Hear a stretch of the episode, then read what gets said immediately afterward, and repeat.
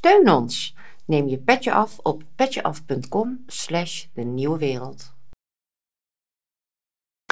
Welkom bij De Nieuwe Wereld, verdiepende gesprekken in een tijd van verandering. Mijn naam is Rogier van Bemmel en vandaag is bij mij te gast Ras van Hout.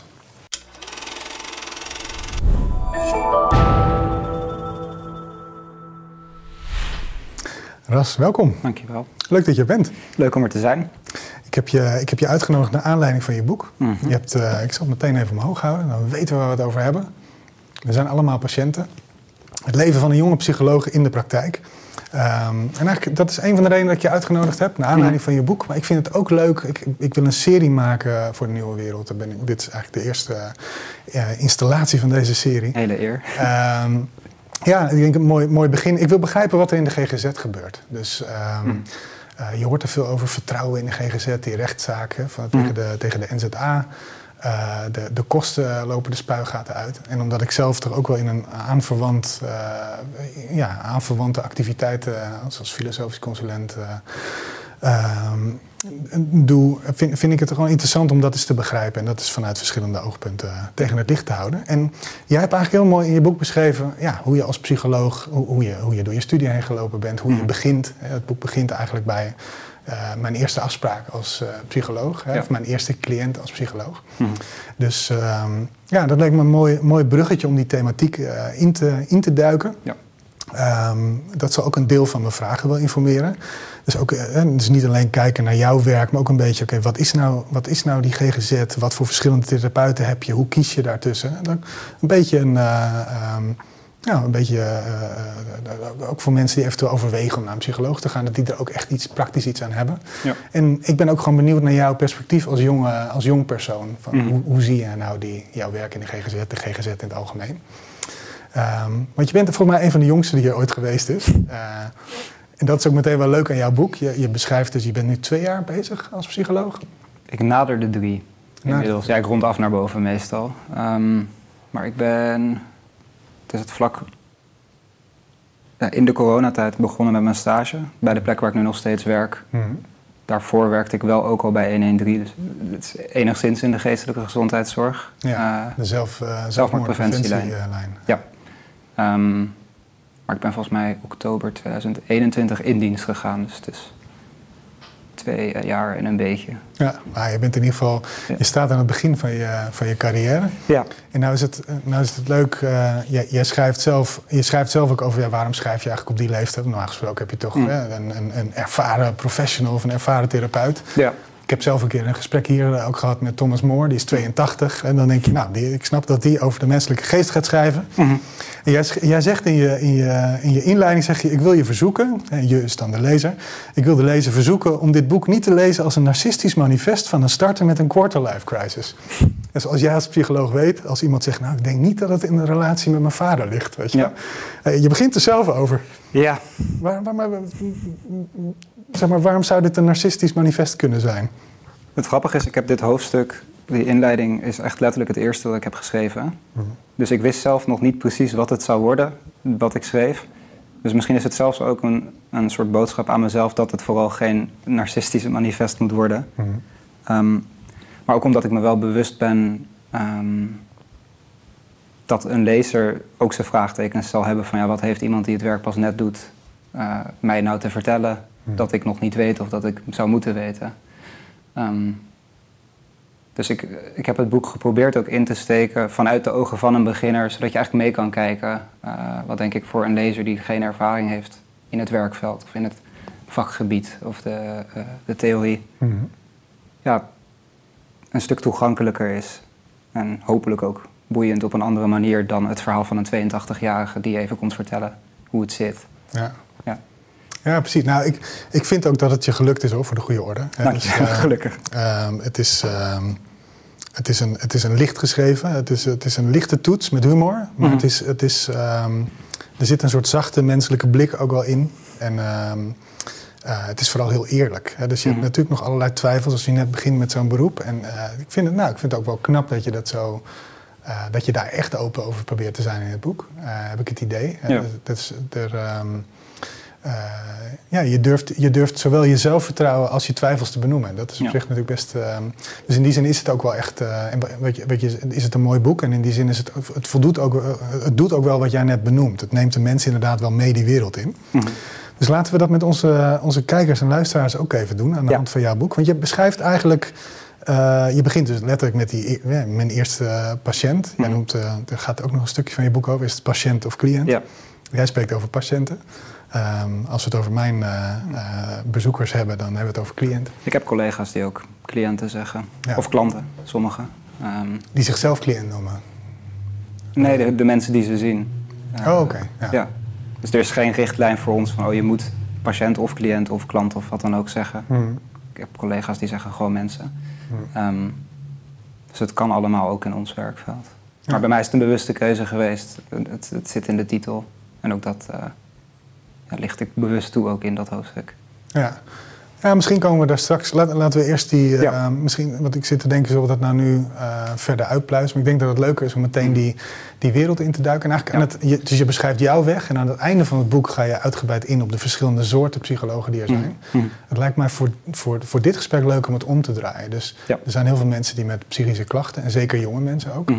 eh, met psychische klachten rondlopen. En die moeten dan een soort, ja, die moeten dan, eh, als ze besluiten om hulp te gaan, eh, gaan vragen, moeten ze zich een weg banen door eh, een, hoop terminologie en een hoop ehm, eh, in verschillende soorten aanbod die er zijn. Mhm.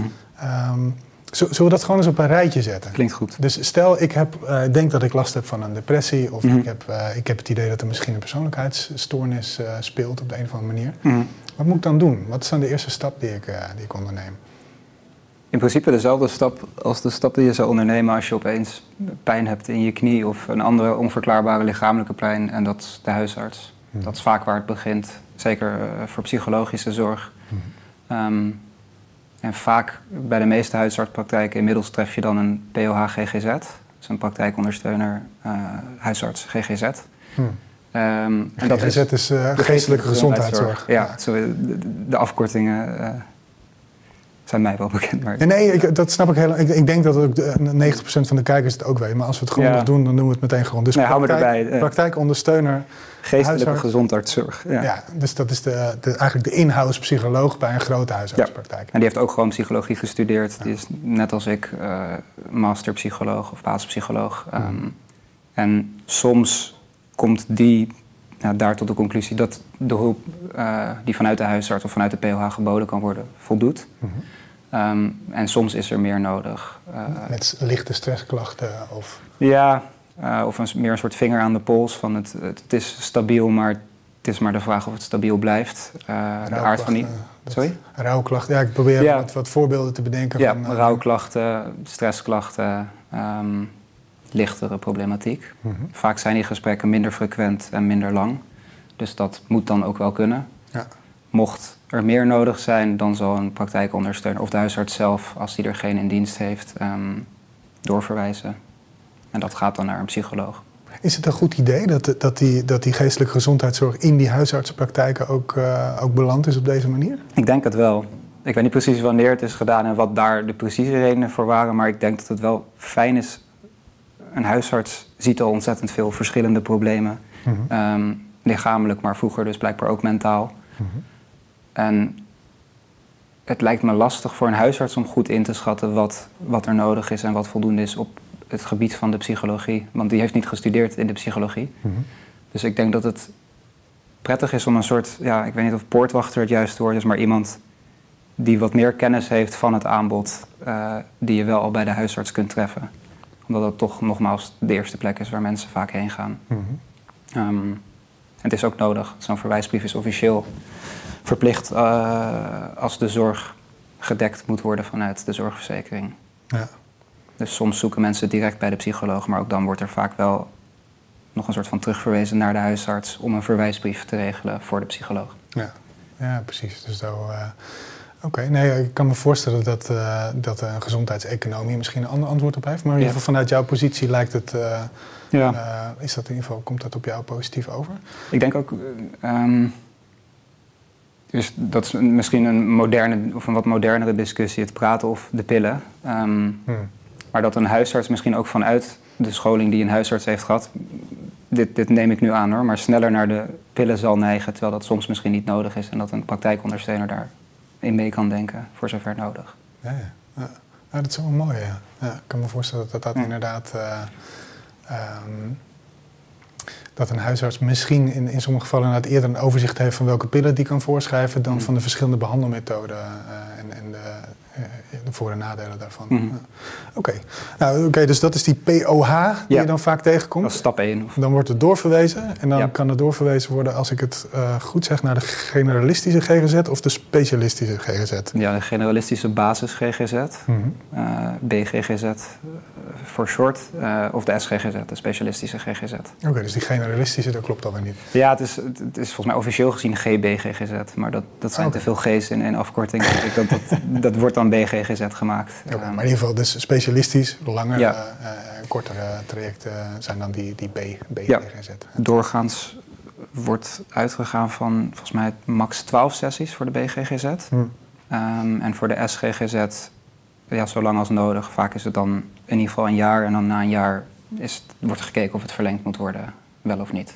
En zijn het echt fysiek gezien ook zeg maar, twee verschillende trajecten? Of doe jij als, als basispsycholoog, als gewoon master in de gezondheidspsychologie, doe jij ook uh, SGGZ-trajecten? Ik doe het wel, maar daar moet dan wel op ja, hoe zeg je, toegezien worden door een ervarender psycholoog, uh, een, een, klinisch psycholoog of een GZ-psycholoog. Mm -hmm. um, die is, die, daar komen we dan denk ik straks op, maar die de functie van regiebehandelaar draagt. Ja. En dat is iemand die eigenlijk feitelijk eindverantwoordelijk is voor die behandeling. Maar als we alleen SGGZ gedaan zou kunnen worden door de ervarende psychologen, dan worden de wachtlijsten waarschijnlijk nog veel langer dan dat ze nu al zijn. Dus het is ook niet altijd nodig. Dus dit is een soort papieren onderscheid dat in, uh, in de praktijk eigenlijk niet per definitie uh, niet altijd is. Um, er zijn denk ik wel praktijken waar uh, dat onderscheid serieuzer wordt genomen. Of je hebt praktijken die echt alleen hoofdzakelijk BGGZ doen en eigenlijk geen SGGZ zien. Mm -hmm. um, maar ik denk in de praktijk zul je vaker zien wat er bij onze praktijk ook gebeurt. Dus dat ook de basispsychologen specialistische trajecten doen, maar dan wel onder toezicht en uh, hmm. werkbegeleiding, et cetera. Ja. ja, dat beschrijf je trouwens ook, uh, uh, en dat is bij veel dingen die we nu bespreken, vrij gedetailleerd ook in je boek, mm. hoe, dat, hoe dat werkt met de regiebehandelaar, die er, op welke momenten die erbij gehaald wordt mm. enzovoort. De, daarmee is het boek inderdaad voor beginnend psycholoog interessant. Maar ik denk ook wel voor beginnend patiënten. Ja, uh, zeker. Dat je een beetje idee hebt van, oh ja, ik, dan komt opeens die regiebehandelaar erbij. Waarom en waarom niet? Mm -hmm. um, ja, misschien kunnen we een beetje van die, uh, van, um, uh, van die kennis dus inderdaad vandaag ook meegeven. Mm -hmm. maar dat, dus je hebt dan het onderscheid in, in, in SGGZ en BGGZ. Ja. Um, dan word je doorverwezen en dan heb je eigenlijk... Uh, je hebt, je hebt, jij, jij werkt in een relatief zeg maar, een, een, een middelgrote praktijk. Hè? Dus ja. je, hebt, je hebt één uh, uh, een klinisch psycholoog die, die, nou ja, die, die praktijkhouder en regiebehandelaar is. Mm. En er zijn ook veel grotere instellingen waar ja. echt nou ja, de, de levels en de, hoe heet ze allemaal, de, de PCQ en dat soort instanties die echt mm. een enorme, die ook groepstherapieën aanbieden. En, ja. Uh, altijd een psychiater ook in huis hebben die ook met pillen uh, mm. kunnen, kunnen werken. En je hebt dan de vrij gevestigde psychologen hè, of ja. psychotherapeut. Of, mm. Misschien is dit om, om dat verschil te kunnen uitleggen, misschien goed om nu even door die verschillende titels heen te lopen. Dus mm. jij, bent, jij hebt een master gedaan, hè, jij bent een basispsycholoog. -hmm. Dan is het volgende treedje geloof ik de GZ-psycholoog. Klopt, een gezondheidszorgpsycholoog. Dat is uh, een postmasteropleiding van twee jaar. -hmm. Um, als je die hebt afgerond, dan ben je GZ-psycholoog. Dan mag je regiebehandelaar zijn voor de BGGZ, hmm. waar we het net over hadden. Um, ja, dat is de eerste stap. Dan ben je generalist. Uh, ze willen volgens mij naar een nieuw model toe waarin er ook het onderscheid wat minder vaag wordt. Want het onderscheid is nu nog een beetje vaag. Nou, ik heb het geprobeerd duidelijker te maken in mijn boek. Um, maar die functie van generalist die zal dan blijven bestaan. Dus dat is een soort van de eerste stap in het vervolg voor de psycholoog. Ja. En de volgende stap is? Nu nog kun je twee kanten op. Dus je hebt nu nog uh, de psychotherapeut. Mm -hmm. Dat is ook een aparte opleiding uh, van vier jaar. Voorheen kon die nog gevolgd worden ook door basispsychologen. Dus dan kon je een soort van die stap van de GZ-psycholoog overslaan. En Ja, dan was zo- je psychotherapeut. Zo leest het in jouw boek nog Ja. inderdaad. Dan, eh, Ehm, alsof je inderdaad dat jij die opleiding zou kunnen doen in plaats van een Ja, GZ-psycholoog, klopt. eh, postmaster. ja. Maar nu moet je dus een psychotherapeut worden, moet je sowieso al door die GZ-psycholoogopleiding heen. Oké. ja, en dat nogmaals, volgens mij per 2024 wordt dat alles op de schop gegooid. Dus je hebt nu de psychotherapeut Mhm. en de functie klinisch psycholoog, die je net al noemde. Ehm, ook dat is een aparte opleiding. Daarvoor moet je de opleiding GZ-psycholoog eh, of GZ-psychologie afgerond hebben. Het is een opleiding van ook vier jaar. En dan ben je een soort van, dan heb je het uitgespeeld wat de postmasters betreft. En dan mag je zelfstandig eh, in principe BGGZ, SGGZ zien en behandelen zonder dat daar een regiebehandelaar aan te pas komt. Dat lijkt een beetje op, op, de, eh, op de medisch specialist in het ziekenhuis. Mhm. Dus je bent eigenlijk basisarts als je gewoon je, je medische opleiding hebt afgerond. Ja, precies. Dan ga je je specialiseren en als je dan, als je dan, dan, ben, je, dan ben je chirurg of dan Ja. ben je pijnspecialist of dan ben je... ehm, in dit geval dan word je, word je dan dus echt klinisch psycholoog, dan ben je Mhm. echt de Ja. een medisch specialist eigenlijk. Ja, en dat is waar ze dus naartoe willen. Ehm, waar je nu dus die verschillende functies met die verschillende routekaarten hebt. Mhm. Ehm, om dat wat duidelijker te maken, denk ik, willen ze toe naar een GZ. En dat is dan de generalist. En een KPPT, dus klinisch psycholoog, psychotherapeut, dat wordt één. En dat wordt dan de specialist genoemd, inderdaad. Waarom bestond dat onderscheid überhaupt? Is het een meer diagnostisch en het ander, meer behandelend? Wat, is de, wat was de truc? De psychotherapeut, hoe ik het me heb laten vertellen, is een soort klinisch psycholoog light.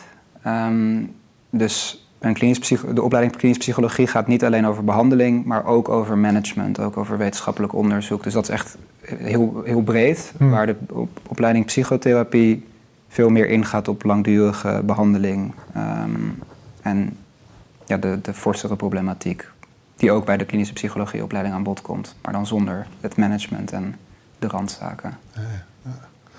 Ehm, en dan mis ik er nog één, dat is de psychoanalyticus. Ja. En dat is in Nederland wordt dat ook niet meer vergoed. Dus ik Mhm. begrijp ook dat je het in je boek niet noemt. Maar dat is natuurlijk ook nog. ehm, volgens mij moeten die inmiddels ook GZ-psycholoog Mhm. zijn om te mogen beginnen aan die opleiding. Ja. Maar volgens mij zijn daar ook uitzonderingen voor.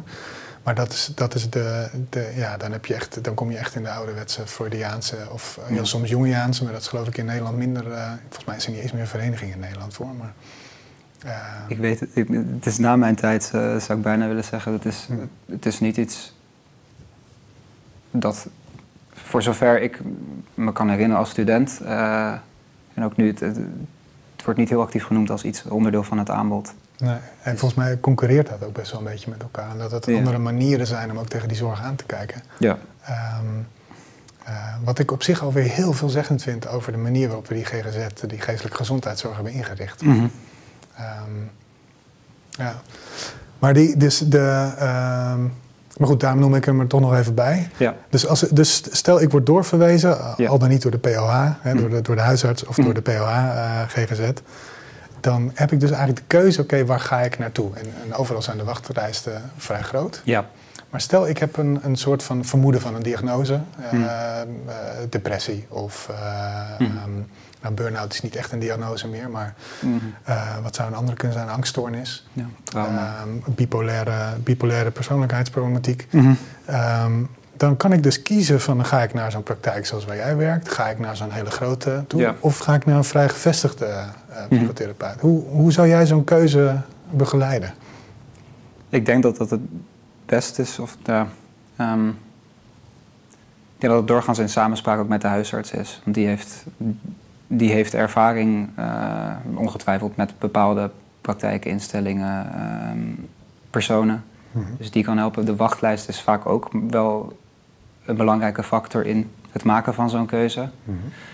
Ehm, en ik denk, hoe jij het nu schetst, leeft er bij jou als de patiënt al een bepaald vermoeden van een diagnose. Ik denk dat vaak of vaker mensen zich bij de huisarts melden gewoon met een algemene klacht. En zelf nog niet eens stilstaan bij mogelijke diagnoses of eh, Hmm. hoe dat precies genoemd wordt.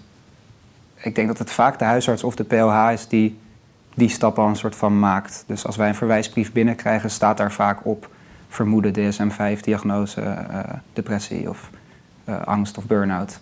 Mhm. De DSM-5 is het diagnostisch handboek eh, dat we gebruiken. Ja.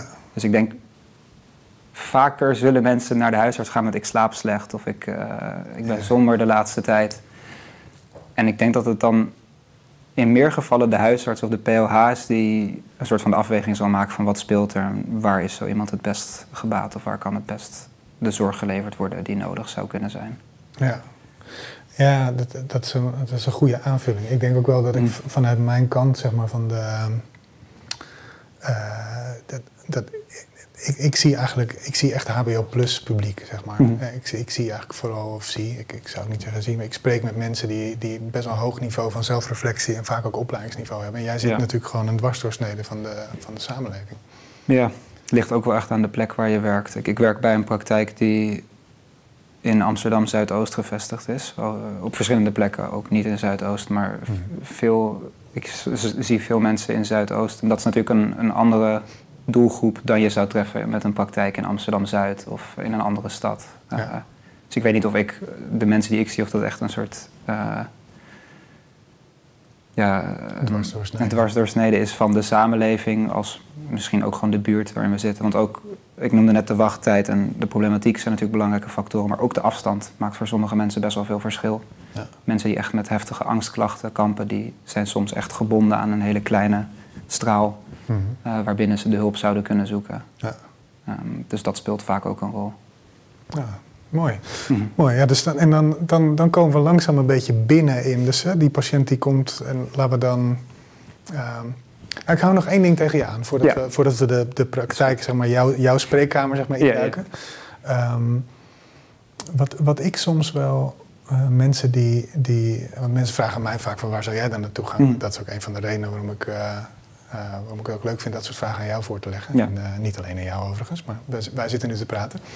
Um, ik heb altijd wel het idee dat, dat die, dus die psychoanalytisch opgeleide mensen, of die mhm. mensen die, die zeg maar, in een eigen praktijk zitten, dat die zich vaak wat meer onttrekken aan het hele diagnostische verhaal. want daar, uh, aan de vragenlijstjes, aan de, de, een, een, een, soort gesystematiseerde manier van werken, dan de mensen die binnen zo'n grotere context werken. Mm. Uh, dus die hoogopgeleide of wat zelfbewustere mensen, als die dan naar zo'n soort aanbod toe willen, zeg ik nou, misschien zoek dan iemand die vrij gevestigd is en die, die, die mm. misschien met iets uh, of psychoanalytisch opgeleid is. Dus die dan toch op een andere manier soms ook de, de, de psyche benaderen dan, dan zeg maar de systematiek die we vandaag misschien ook wel bij jou gaan zien. Hoewel ik het idee heb dat jij daar ook wel. Ja, de praktijk waar ik werk is niet zo rigide op dat gebied. Ik denk inderdaad de grotere instellingen ja, soms wordt dat lachend ook wel een beetje een soort draaideur uh, gezondheidszorg genoemd. Ja, daar is dat denk ik ook een bepaalde noodzakelijkheid voor om wat systematischer en gestructureerder te werk gaan. En dus ook met diagnoses en protocollen, et cetera. Mhm. Maar waar ik werk, nou, ik denk wel dat wat je zegt klopt, dat waarschijnlijk de vrij gevestigde therapeuten zal daar ook minder waarde aan worden gehecht of minder uh, ja, standvastig op die manier aan vastgehouden worden. Ja. Ja, ja. ja, maar dat, dat is ook wel het idee wat ik trouwens krijg bij, jou, uh, bij jouw beschrijving van jouw praktijk. Dat, dat, dat de sfeer binnen zo'n praktijk toch ook wel erg bepaald wordt, inderdaad. Jij noemt hem dan uh, met enige humor af en toe de eindbaas. Ja. Maar ehm, dat, jij beschrijft hem ook best wel lyrisch. Dat, is mhm. ook, dat vind ik ook wel leuk. Um, maar de, eh, en daar ben je ook wel weer gereflecteerd over dat je dat doet overigens. Dus het is niet dat je een soort van als een fanboy uh, dat beschrijft, maar mhm. eh, je, je, je hebt hem wel hoog zitten geloof ik. En ik, het, klinkt wel alsof hij ook wel een bepaalde sfeer neerzet dan in die hele, in die hele praktijk. Ja, zeker. En hij is ook wat meer van de oude orde en van de oude generatie. Dus misschien komt het daar ook wel door. Ehm, het is iemand die al langer in het werkveld zit dan ik leef. De praktijk is ouder dan ik. Ehm, en dat is toch, ja, het draagt wel bij aan de sfeer en ook een soort van de filosofie hmm. die nou, hij heeft en denk ik ook wel veel van mijn collega's delen. Uh, en wat de praktijk voor mij in ieder geval een hele prettige plek maakt. Want als ik bij een plek was beland waar wel heel rigide vastgehouden zou worden aan vragenlijsten en uh, protocollen, hmm. dan was ik niet heel gelukkig geweest, denk ik. Ja, ja dus je bent. Uh wat dat betreft een sceptisch gids. gids hè, maar, uh, ja. uh, maar je beschrijft het wel allemaal in je boek. En ik moet Mm. zeggen dat, dat, dat uh, ik, ik, pretendeer best al wel iets van psychologie en hoe dat allemaal werkt te weten. Mm. Ik hou me natuurlijk ook bij sommige vragen bewust een beetje dom. Maar mm. er zat voor mij toch ook wel wat nieuws in, gewoon echt in, in welke vragenlijsten dan precies en in welke volgorde. Ja. En ja. um, kun jij de, de kijkers en luisteraar dat ook eens uitleggen? Dus die, die, die, Mm. die uh, laten we zeggen, die imaginaire uh, patiënt. Die, ja, die, dus, die komt binnen. Ja, wat, wat gebeurt er met je? Um, ik moet zeggen, eh, wat ik nu zeg is hoe het bij ons in de praktijk gaat. En ik weet niet of het overal zo gaat, maar als je bij mij in behandeling zou komen, um, dan wordt er een screener gestuurd. Dat is op voorhand, nog voordat het eerste contact is geweest, met algemene vragen over klachten en uh, um, ja, andere zaken die van waarde zouden kunnen zijn om op voorhand te weten. Dan kom je de praktijk binnen, dan maken wij kennis. Um, en dan is er een vragenlijst die wij altijd afnemen. Maar dat is volgens mij op initiatief van mijn baas, die uh, probeert een onderzoek te doen. Um, maar dat is een vragenlijst die ook gaat over de algemene klachten uh, vanuit de DSM-5, uh, het handboek voor diagnoses. Um, dus die vult men ook in. Ik doe dat vaak op het moment dat ik een drankje voor ze haal, als een soort grapje ook van hebben we de het papierwerk gehad. En dan kunnen we daarna echt aan de slag. Mm -hmm. En dan los van die twee vragenlijsten is er nog een derde recent geïntroduceerde vragenlijst, um, de HONOS. Uh, en die moet ingevuld worden met of door de regiebehandelaar. En dat kan samen met de patiënt, maar dat kan ook los daarvan. Mm -hmm. En dat is een vragenlijst die, ja, het gaat ook over klachten, maar ook over een algemeen soort van um, functioneren. Dus het gaat ook over de, hoe de zelfzorg is van iemand, uh, hoe de relaties van iemand zijn. Dus dat, dat staat ook wel los van ja, een soort van de diagnoses of de criteria die je vaak ziet bij diagnoses. Het gaat gewoon meer over een soort algemeen functioneren. Ja, dit, is, dit is de vragenlijst overigens waar de NZA Ja. dus om vraagt en waar uh, vertrouwen in de GGZ nu... Uh, Ja. um, volgens mij is, het, uh, is er, is er een deze dagen, ik dacht een, volgens mij vandaag zelfs een zitting. oh, die is, ja. Ik dacht de 29e, maar Ja. um, vandaag is dan de opnamedag en niet, Ja. niet, niet de uitzendingsdag. Al een beetje op let. Ja. Maar um, ja, dus, die, die, uh, dus die, die valt er misschien wel weer uit. Maar in ieder geval, dat is, meer een, dat is dus niet een, een diagnostische tool, maar dat is Ja. meer een, uh, een, een, een uh, gereedschapje inderdaad om nou ja, te, te monitoren wat er in die GGZ gebeurt. Ja, volgens mij is het wel, het idee daarvan was, en ik, ik, ik moet bekennen, in mijn boek schrijf ik er volgens mij ook nog best een beetje lyrisch over. Um, Ja, dat viel me op inderdaad. Ja, maar dat was nog niet wetend op wat voor manier uh, het ingezet zou worden. die ingezet is en op wat voor manier er omgegaan is met die data ook. Um, en dat is volgens mij waar die rechtszaak vooral betrekking op heeft. Zeker. Um, maar volgens mij was de intentie om te onderzoeken of er wat meer afgestapt kan worden van het diagnostisch model, waarbij een behandeling echt gekoppeld is aan een diagnose. Mm -hmm. Dus vroeger had je nog de DBC's, dat is diagnose-behandelcombinaties. Um, en om over te gaan naar een model dat meer gaat over algemeen functioneren. Dus een soort van de klachten en ook het functioneren in de brede zin van het woord, los van de specifieke uh, criteria die je zou kunnen vinden binnen een diagnose. Mm -hmm. En ik vond dat, uh, het klonk heel mooi, of het klinkt nog steeds heel mooi als het op die manier zou kunnen, omdat je dan dus, het biedt veel meer vrijheid, waarbij je dus niet meer zo vastzit aan vragenlijsten en bepaalde hokjes en bepaalde diagnoses, waarbij je net één criterium wel of niet te veel kunt hebben uh, of te weinig. Mm -hmm. Um, en bijvoorbeeld een burn-out, wat dan geen officiële diagnose is en dus niet officieel gezien vergoed wordt, wel opeens te behandelen zou kunnen zijn en wellicht ook wel vergoed. Um, dus het, het, het, idee is iets waar ik best achter, achter kan uh, scharen, maar het is op een onhandige manier gedaan, zacht gezegd. Uh, ja. Hoe dat is geïntroduceerd en hoe daarmee om is, om is gegaan. Ja, precies. Oké, okay, dus dan terug naar die. Um, uh, terug naar de, dus er is een screener, er Mm. is een. Um, er is nou ja, voor jullie praktijk specifiek uh, een vragenlijstje Ja. voor, uh, voor, voor, bij de, voor bij de koffie, zeg maar. Ja, ja. Of voor, voor de koffie. Um, en dan komt er een intakegesprek. Ja.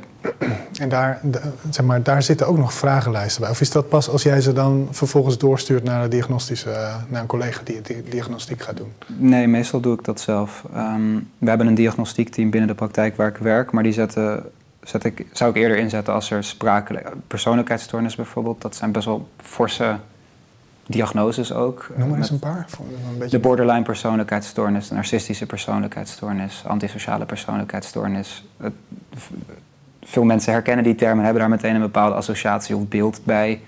Ehm, dus daarom wil ik ook wel extra gevoelig omgaan met diagnoses zoals de, eh, bijvoorbeeld borderline of narcisme.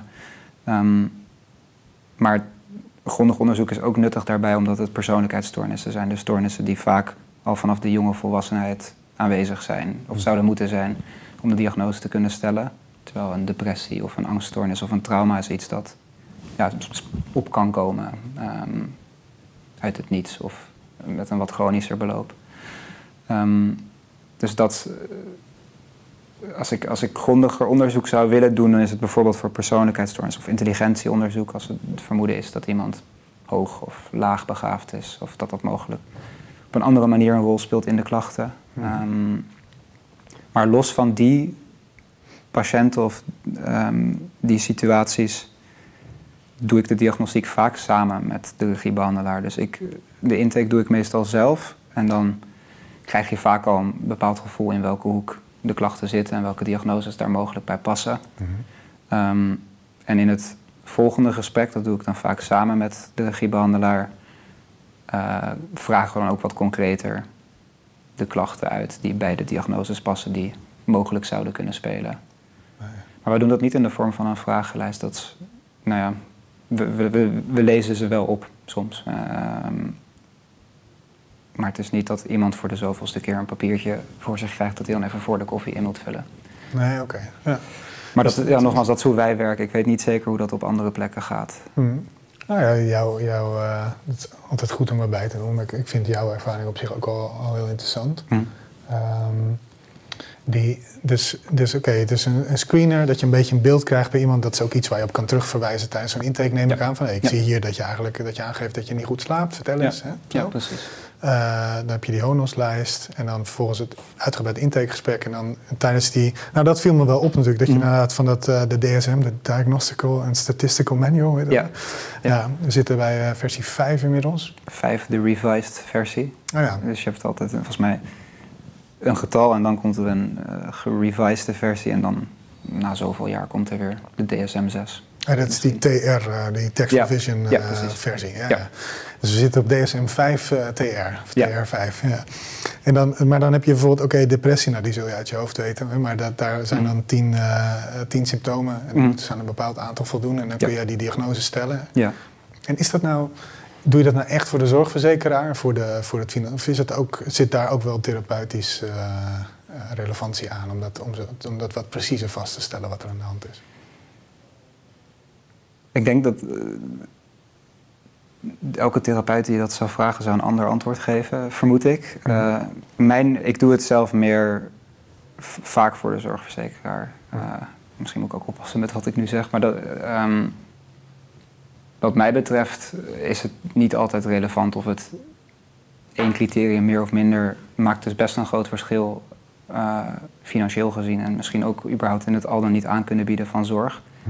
Ehm, Nou, laat ik, laat ik, eh, dus ik, ik ga er volledig vanuit dat bijna alle eh, psychologen dit systeem ook een beetje naar hun hand zetten. ja, Dus het zal, eh, daar hoef je ook niet ja of nee op te zeggen, maar het, Ja. men kan zich waarschijnlijk voorstellen dat er psychologen zijn, in het algemeen gesproken, die af en toe een criteriumpje bij spreken aanvinken, zodat er een, zodat er een diagnose Ja. is en, en de behandeling vergoed kan worden. Maar je hebt vaak ook wel voor de meeste diagnoses heb je de diagnose depressie bijvoorbeeld, maar je hebt ook ongespecificeerd ehm, of niet anders omschreven volgens mij voor sommige anderen of anders gespecificeerd. En dat, dat is een diagnose die gesteld kan worden en eigenlijk daarin wordt dan ook eh, benoemd dat er net niet voldoende criteria wordt voldaan, maar dat de klachten wel lijken op wat je bij bijvoorbeeld een depressie zou vinden.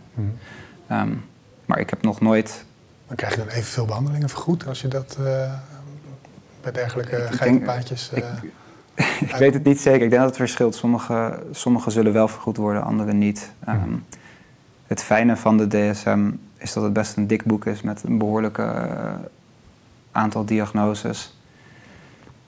En vaak vind je toch, is er echt wel iets te vinden. Want mensen melden zich niet zomaar aan. En zo'n wachttijd is ontzettend lang in Mm. veel gevallen. Dus vaak speelt er ook echt wel iets. Ehm, ik heb het in mijn carrière, hoe kort dan ook, nog niet meegemaakt dat iemand is afgewezen omdat er nou net één klacht te weinig was. eh, Hmm. om, om echt te kunnen spreken van een diagnose. Oké. Ja. Ehm, ja, waar zitten we dan? We zitten dus inmiddels dan een beetje bij. We zitten eigenlijk bij het, het, de, de tweede intake of hè, het gesprek Ja. met de regiebehandelaar. Mhm. Ehm, waar dan ook. En vervolgens. Je moet ook veel plannen schrijven, man. Je moet, je moet een, eh, een, een, een behandelplan, je moet Ja. een eh, voortgangsrapportages, afsluitende rapporten, brieven naar de huisarts. Ik, Ja. eh, zo was, Een boeker. ja, ja, dat was vrije keuze. ja, dat, dat, dat was... eh, Ehm, maar veel, ja, en als er, als er sprake is van persoonlijkheidsproblematiek, eh 30 pagina's lang. Ja, dat doe ik dan niet zelf. Daar hebben we dus een team voor gelukkig. Maar Ja. het is veel administratief werk. Ja, wat ook wel voordelen, wat je ook beschrijft, het op het moment dat er inderdaad ergens eh, teruggekeken moet worden, of op het moment dat Mm. er eh, andere mensen gaan meekijken, dan is alles ook digitaal Ja. voorhanden. Ja. Eh, wat ik ook altijd een beetje eng vind dan, van, eh, zeg maar, als je vanuit de kant van de patiënt kijkt, van, Ja. dan is er dus ergens een systeem waar allemaal mensen toegang toe hebben. Ja. Hoe, hoe zie jij dat? Het klopt. Het, het lastige is, er is denk ik geen plek waar je het 100% veilig zou kunnen opslaan. Ik, Hmm. ik heb een notitieblok, ehm, maar mezelf kennende is de kans groter dat ik die ergens in een tram of in een trein laat liggen, dan dat ik mijn laptop ergens open laat staan en iemand in kan loggen op. We hebben een, inderdaad een digitaal ehm, patiëntenbestand, maar dat is eh, beveiligd en er is tweestapsverificatie. En ja, ik snap dat, dat dat spannend is, maar voor de continuïteit van de behandeling is die administratie toch echt wel noodzakelijk. En ja, je zult hem ergens kwijt moeten. Hmm. Want het zou toch zonde zijn als de psycholoog die het allemaal veilig en wel heeft opgeslagen in zijn hoofd, eh, om welke reden dan ook uitvalt. Ja.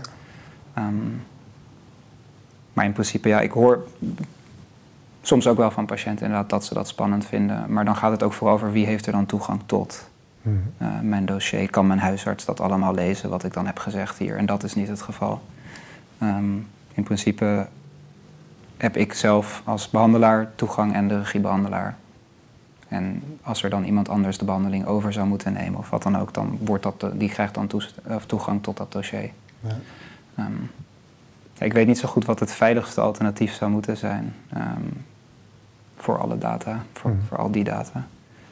Nou, ik denk dat dit al, dat dit, eh, dat, dat dit antwoord eh, in dubbele zin, enerzijds de, de, de- je, je beschrijft hoe het beveiligd wordt, Ja. of in ieder geval dat daar een, serieuze poging toe wordt gedaan. Ja. En ten tweede dat jij ook bewust bent van die problematiek, dat lijkt me ook wel een geruststellende gedachte Ja. voor veel mensen. Ja. eh, Ja, de Ja. boetes zijn niet, niet minder volgens mij als je niet voldoende beveiliging hebt op Hmm. dat soort data. Dat, eh, dat ligt er ook niet om. Dus het is ook extreem belangrijk natuurlijk dat dat veilig en wel opgeslagen kan worden. ja, nou ja, het, raakt aan de kern van je beroepsgeheim. Ja, Eh, absoluut. Maar dus, en, dus hier kwam ik op, op eh, eh, ik vroeg even naar, maar eigenlijk, eigenlijk zat ik bij dat behandelplan, hè, dus die Mhm. volgende stap. Dus er wordt, Ja. er wordt dan een plan opgesteld, ook samen met, met de cliënt, met de patiënt. Ja. Ehm, ja, en vervolgens begint die behandeling. Ja. Eh, nou behandel jij, als ik, het, als ik het goed begrijp, dus vooral klachten als depressie, burn-out, angstklachten, trauma. En dus niet die meervoudige persoonlijkheidsproblematiek. Soms ook wel. Het, het is eh, vaak hoe hoe het bij mij in ieder geval gaat. Je hebt het intakegesprek, dan plan ik een regiebehandelaarsgesprek. Dan aan de hand daarvan heb ik een overleg met de regiebehandelaar... waarin we bijvoorbeeld het behandelplan ook bespreken... en ook gewoon even een soort check-in hebben van... is dit, ben ik de juiste behandelaar, is dit de juiste plek? Zo niet, wat dan wel, wie dan wel? Ehm, en als er sprake is van meervoudige persoonlijkheidsproblematiek, maar ik toch het idee heb dat ik daar wel iets mee kan, dan is eh, mijn baas, nou, die heeft wel het vertrouwen dat dat dan ook kan en dat gebeurt dan soms. En als ik het idee heb dat, het, dat ik niet de juiste persoon ben, dan kijken we verder naar waar iemand beter gebaat zou kunnen zijn. Maar ja, mijn dag bestaat dus uit een enorme variëteit aanklachten, eh, licht en zwaar. Dus in, ja, psychiatrische patiënten zien we niet, dus die zie ik ook niet. Dus de bipolaire stoornis, ehm, eh, psychotische klachten, echt eh, klachten waar vaak medicatie voor nodig is, daar heb je vaak ook een psychiater voor nodig en die hebben wij niet in dienst. Is dat de definitie ook van psychiatrische klachten? Dus dat het, dat het medicatie uh, verlangt? In mijn hoofd wel. Ik weet niet zeker of dat, of dat in het boekje ook zo is, maar ehm, ja, de mensen die mogelijk ook gebaat zouden zijn bij medicatie. Hmm. Ehm, en soms kan dat ook wel binnen onze praktijk in samenwerking met een huisarts. Maar dan gaat het vaak om antidepressiva eerder dan echt uh, forse klachten waar zowel medicatie als misschien ook, ja, hoe zeg je het, een intensiever toezicht nodig is. Mhm. Of een opname. Um, ja. ja. Of drastischere maatregelen of drastischere zorg. Ja, ja. Oké. Ja. Um, dus jouw dag bestaat uit een variëteit aan, aan verschillende klachten. Um, ja. En dat is, wel, dat is ook wel het grappige. Jouw, jouw boek beschrijft inderdaad ook een beetje jouw weg. Dat is ook jouw, jouw perspectief. En dat is ook, uh, uh, ik denk voor aankomend psychologen en nogmaals ook voor patiënten interessant. Maar wij nemen mm. vandaag een beetje die andere kant, nou, mm. meer de weg van de patiënt uh, door, het, door het traject heen. Ja. Um, met hier en daar eens een vraagje over, over jouw kant ja. van de zaak. Um, en nogmaals, dat is geen, dat, ik bedoel het echt niet als kritiek op je, op je boek, maar meer gewoon dat, mm. dat, uh, dat ik, het valt me opeens zo op dat het echt parallel loopt, maar dat ik net die andere, mm. um, ik heb die hoofdstukjes een beetje en denk, oh ja, we gaan nu die kant op. Van, um, zo bedoelde ik die opmerking. Maar die, die, voor die patiënt is dan dus de volgende stap is eigenlijk, um, ja, is die behandeling. En ja. wat, wat mij wel fascineerde, want daar weet ik dan net niet genoeg van, zeg maar. Mm. Jij, jij maakt een aantal keer gewacht van behandelprotocollen. Ja. Die ook, hè, dus DSM gerelateerd. Uh, ja. um, dan ben je zo benieuwd wat daar dan in staat. dus stel, ja. uh, ik, ben, ik, heb een, ik, heb een, ik heb een depressie. Ja. Wat staat er in zo'n protocol? Wat heb jij daar voor je neus? Um, zo'n boek. en dat is dan een van de drie. En daar staan de protocollen voor de meest voorkomende stoornis. Ik heb hem trouwens niet letterlijk voor mijn neus tijdens een behandeling, maar daar zou ik op voorhand misschien doorheen bladeren als ik uh, inspiratie of ideeën nodig heb. Maar in zo'n boek vind je uh, informatie over de stoornis, een soort achtergrondinformatie, wetenschappelijk onderzoek, um, klachtenbeloop, meer de, de theorie. En daarna ook echt de praktijk. En dat, ik heb niet alle drie de boeken helemaal gelezen, maar vaak neemt dat echt de vorm aan van een soort bijna handleiding van wat je sessie voor sessie doet, bespreekt, waar je het over hebt. Soms staat het echt verbatim uitgeschreven, wat je dan kunt zeggen. Hmm. Ehm, ja, waar je, waar je het over hebt per sessie, wat voor huiswerk je meegeeft, uh, et cetera. Dus ik weet, ik weet het depressieprotocol niet uit mijn hoofd. Um, Jij behandelt dus ook niet aan de hand van zo'n protocol, uh, maak ik daaruit op? Ik, ik gebruik het als inspiratie. Um, maar dat is in combinatie ook met ervaringen uit eerdere behandelingen, ervaringen van collega's, uh, besprekingen met de regiebehandelaar en werkbegeleider.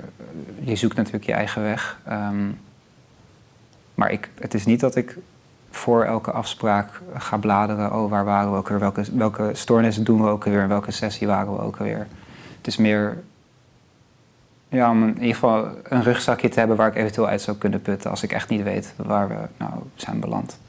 Klinkt, dit, klinkt echt als de natte droom van de, van de zorgverzekeraar. dat je gewoon van, van sessie tot sessie kan bepalen wat er gezegd wordt, ja. waarom. Uh, en het zou ook mooi zijn als het zo kon, maar het zou mijn werk een stuk minder leuk maken, denk ik. Ik vind juist de variëteit in klachten en in mens die elke uur mijn kamer binnenkomt wandelen, maakt het werk leuk. Hmm. Anders, ja, als het echt zo makkelijk zou zijn, nou, dan waren wij vervangen door robots. Of dan zou dat heel dichtbij komen, dat moment. Uh, want dan heb je ook niet echt een psycholoog nodig. Je hebt gewoon een actie-reactie en je weet blijkbaar al precies wat er gezegd moet worden. Hmm. En als dat zou werken, zou dat mooi zijn natuurlijk. Maar het werkt hetzelfde zo. Ja, want nu komen we bij het leukste stuk van, uh, van de beschrijving van de behandeling. Namelijk, wat, wat staat daar, hè? Wat, wat gebeurt er in die behandeling? En eigenlijk in, jou, in jouw boek, tot mijn grote genoegen moet ik zeggen... Hmm. Ehm, jij stelt, jij stelt de, de relatie, dat is ook in allerlei onderzoek is, dat mm. inmiddels ook wel bewezen. Uh, de effectiviteit van de behandeling hangt in hoge mate af van de uh, therapeutische relatie, de klik, uh, de, ja. de, de, zogenaamde klik tussen, tussen mm. patiënt en behandelaar. Ja. Um, en dat is ook eigenlijk heel veel van die, het al dan niet volgen van een bepaald protocol of niet. Veel belangrijker dan dat is inderdaad, heb je, een, hè, heb je een, een, open en eerlijke werkrelatie. Ja. En uh, opnieuw tot mij genoeg haal jij uh, vooral de Rogeriaanse humanistische psychologie haal je, mm. haal je aan. Um, kun je mensen daar misschien iets over vertellen? Over het belang van zo'n relatie en, en hoe je, welke principes daarin een rol spelen? Ja, ehm, ja het is essentieel eigenlijk. eh, nog meer dan dus inderdaad de gekozen protocollen of de behandeling, eh, nog meer dan de leeftijd van de behandelaar, nog meer dan de ervaring van de behandelaar, is de relatie die de behandelaar en de patiënt eh, hebben. Ehm, ja, Rogers is een, een psycholoog die daar veel over heeft geschreven en die werkt vanuit drie basisprincipes: Ehm, empathie, openheid en onvoorwaardelijke acceptatie. Ehm, dus je moet werken vanuit empathie, vanuit een soort inlevingsvermogen alsof ik het leven van de patiënt meemaak. Ehm, eh, hoe zou ik me voelen in die schoenen? Ehm, je moet open zijn, dus je mag ook best eerlijk zijn over je eigen struggles, je eigen twijfels, eh, je eigen gedachten, gevoelens, belevingen. Ehm, en die onvoorwaardelijke acceptatie gaat echt over een soort van het eh, ja, accepteren van iemand in diens kunnen en diens gebreken. Ehm, ook al kan het zijn dat mensen soms dingen gedaan hebben, dingen zeggen waar je totaal niet achter staat, waar je totaal niet in kunt vinden, is het alsnog de taak van de psycholoog ehm, om diegene daarin te accepteren. Het hoeft niet goedgekeurd te worden, maar je moet in ieder geval iemand de ruimte kunnen en willen bieden om er te zijn in wat goed is en ook wat slecht is. Ja, lukt dat altijd? Ik doe mijn best. Het is eh, op zich wel als je een soort van loslaat wat je eigen ideeën en je eigen ehm, overtuigingen zijn en gewoon echt vanuit ook oprechte nieuwsgierigheid en ook empathie ehm, een poging waagt om te begrijpen hoe het kan dat iemand bepaalde dingen doet of bepaalde dingen zegt. Vaker wel dan niet kom ik dan toch tot een soort conclusie van ja, ik denk er niet zo over of ik zou dit nooit zo doen. Maar gezien alles wat jij hebt meegemaakt of gezien de weg die jij tot hier hebt afgelegd, begrijp ik dat dat voor jou wel zo is. En soms ook niet. Ik bedoel, eh, ik werk niet in de forensische psychologie, dus ik werk niet echt met mensen die ernstige misdrijven hebben ge- gepleegd. Ehm, maar bijvoorbeeld een, een ja, pedofilie is iets dat denk ik bij alle psychologen mag ik hopen moreel verwerpelijk vinden. Maar ik denk dat het toch mogelijk is om op een bepaalde manier ehm, ja, daarin wel te kunnen voorzien in een goede behandelrelatie. Zelfs al sta je zo fundamenteel anders in het leven dan degene tegenover je. Dus ik denk, ja, het is soms lastig en het is soms een opgave. Maar juist op zo'n moment zie ik het als mijn persoonlijke taak om grondiger te onderzoeken van hoe kan dat nou? Ik hoor jou iets zeggen waar ik me totaal niet in kan vinden of een, een wereldbeeld uiten dat ik totaal niet deel. Ehm, en daar verschillen we in, maar wat maakt dan dat jij dat wel kan denken en ik niet? Eh, hoe kom jij wel tot dat punt of die overtuiging? Ja, dat ik, ja, als ik dit zo zeg, denk ik, dit is vanuit mijn werk als psycholoog, maar ook als mens, vind ik dit een fijne insteek in het leven. Ehm, in deze wereld vol debatten, discussies en eh, online bekvechten. Ja, zeker. Ja. ja, ik vind het interessant om. ehm, ik, vind, ik vind het interessant om je te zien nadenken hierover. Omdat Mhm. je een soort van. ehm, eh, en misschien, ik zit te denken, waarom, waarom, waar, waar zit je. Ik, voel- ik, voel- ik voel me net af, waar zit je nou mee te worstelen? Of waarom, waarom weeg je je woorden zo nauwkeurig? Ja. En, en dat heeft denk ik mee te maken dat je. Dat je, hè, dat je, dat je het, het is, er zitten altijd grenzen aan empathie of inlevingsvermogen. Wat overigens, Hmm. er zijn ook behandel. zijn bijvoorbeeld Lacan die zou zeggen: ja, je Hmm. moet hebben empathie. Eh, je, je weet niet wat die ander denkt. Dan moet je Hmm. ook vooral niet doen alsof je dat weet. Hmm.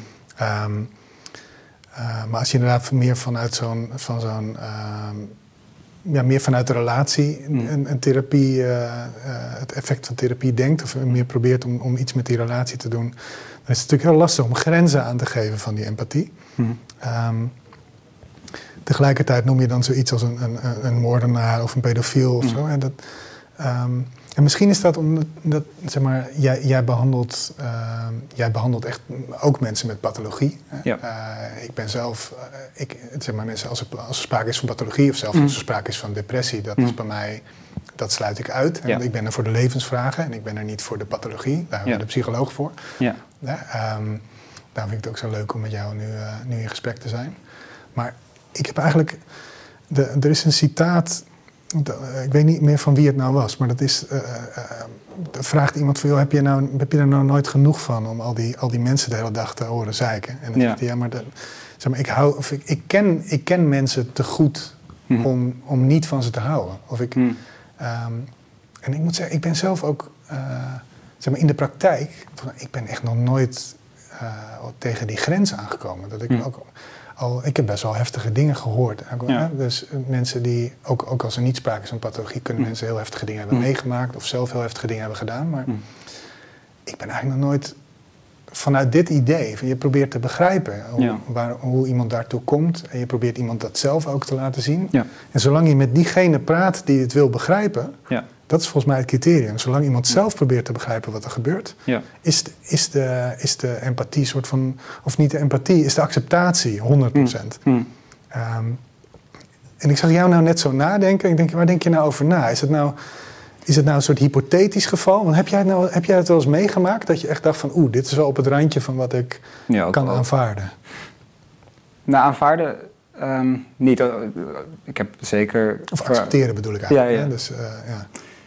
Ik, ik, ik heb de, de grens is er geweest en ik heb ook mensen gezien die over die grens zijn gegaan van wat ik acceptabel vind. Um, het voordeel van als je het echt over uh, misdrijf hebt, is natuurlijk ook dat is niet acceptabel. Dat hebben we universeel besloten. Daar zijn wetten voor. En daar kan ik dan ook wel een soort van op teruggrijpen. Dus ik, ik heb mijn baas wel eens horen zeggen tegen iemand van ja, wat jij doet in je vrije tijd, dat is aan jou, maar dit is wettelijk verboden. En daarom zitten we hier denk ik ook. Um, maar ik denk dat je dan nog steeds kan accepteren um, iemand als mens kan accepteren. Zonder dat je de problemen per se hoeft goed te praten of uh, uh, goed te keuren. Maar dat je kan accepteren dat iemand hulp zoekt. En nou, die hulp misschien ook juist vanuit die acceptatie bereid bent te bieden. Als je snapt wat ik bedoel. Hmm. Ja, misschien is dat wel hetzelfde wat ik, wat ik ook bedoelde met, zeg maar, je, je, je spreekt met degene die beter wil worden. Als iemand inderdaad zegt van ja, ik heb helemaal geen probleem, ja. dan heb je natuurlijk een ander soort gesprek. Dan houdt het snel op. En dat heb ik ook wel meegemaakt. Mensen die inderdaad zeggen, ja, maar er is niet zoveel mis met wat ik doe. Hmm. Ja, daar, heb, daar denk ik het mijne van en daar vindt de wet uh, het haren van. Maar dat, dat is zo. En als je niet geholpen wilt worden, dan kan ik je ook niet helpen. Hmm. Um, dus ik denk als we het inderdaad hebben over accepteren, is het niet per se het accepteren van dat gedrag, misschien eerder het accepteren van een persoon die zich op een bepaalde manier gedraagt en daar iets mee wil. En daarin verder wil komen of daar vanaf wil. Of hmm. ja, daar ook in, in struggelt. Ja. Je beschrijft, je beschrijft in je boek uh, het belang van, van eerlijkheid. En het, het, je herhaalt een heel aantal keren het belang van deeldingen of praten over. En dit zijn ja. natuurlijk de voorwaarden van. Ja. Dat iemand zich geaccepteerd voelt of in ieder geval mm. weet dat hij. Dat hij um, bij, bij Rogers idee is ook wel erg dat je probeert een, op, een contact op ooghoogte te creëren. Ja. En um, uh, probeer dat maar eens te doen als je astrologische horoscooplezingen doet. ja. Want dan heb je al die kennis of al, die, al die ideeën van zo'n uh, van zo'n horoscoop. En dan probeer je toch die, die, uh, mm. dat het echt een, een, een, gesprek op oog Wat natuurlijk heel makkelijk is in de zin dat diegene weet altijd meer over zichzelf. Ja. Dat schrijf jij volgens mij ook erg. Jij bent de expert van wie jij bent. Ja. Um, over jezelf. Maar dat... Um, ja, jij benadrukt dat ook een aantal keer. Kun je daar... Kun je daar um, en daar schrijf je mooi over. Misschien kun je daar ook iets mm. over vertellen, over het belang van eerlijkheid en openheid. En wat je, wat je dan zo die, die spreekkamer binnenbrengt. En wat, dat voor, ja, wat daar voor chemie, voor alchemie plaatsvindt tussen twee mensen. Het is moeilijk om dat in woorden te vatten, want vaak is dat, ik weet niet, het voelt bijna magisch uh, als het er is. Jij bent de um, schrijver, Ras. Ja, dat is waar. ik heb mijn best gedaan in het boek. Maar, um, ja, het is. Uh, ik zie de rol als psycholoog of de functie die een psycholoog heeft, in tegenstelling tot wat vaak mensen verwachten als ze binnenkomen in de praktijk, is niet per se die van een expert die snapt hoe het leven werkt en die alles al heeft meegemaakt en je even precies gaat zeggen, oh ja, maar ik heb hier al over nagedacht.